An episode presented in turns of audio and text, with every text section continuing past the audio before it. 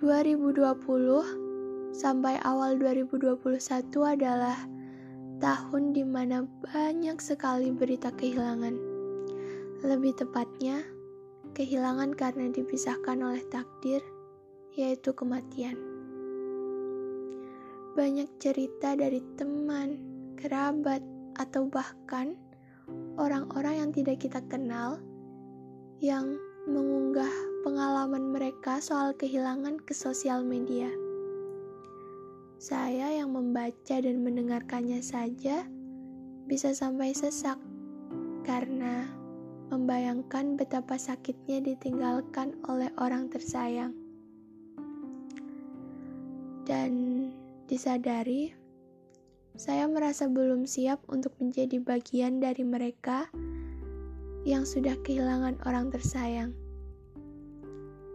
masih banyak hal yang perlu saya lakukan agar orang di sekeliling saya bisa bahagia. Masih banyak hal yang ingin saya kerjakan bersama orang tersayang di sekeliling saya. Saya tahu kehilangan bisa datang kapan saja secara tiba-tiba. Tapi, kalau boleh, saya mau kehilangan orang ketika saya sudah siap. Walaupun tidak ada orang yang bisa siap untuk kehilangan.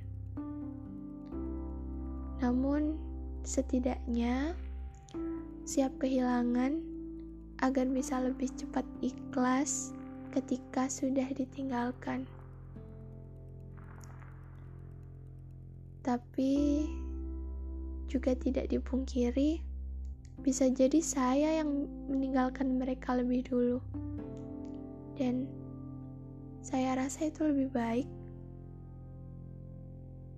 untuk kalian yang masih dikelilingi oleh orang-orang baik, untuk kalian yang masih dikelilingi oleh orang-orang tersayang, jangan lupa untuk selalu membuat mereka bahagia karena waktu tidak bisa diulang.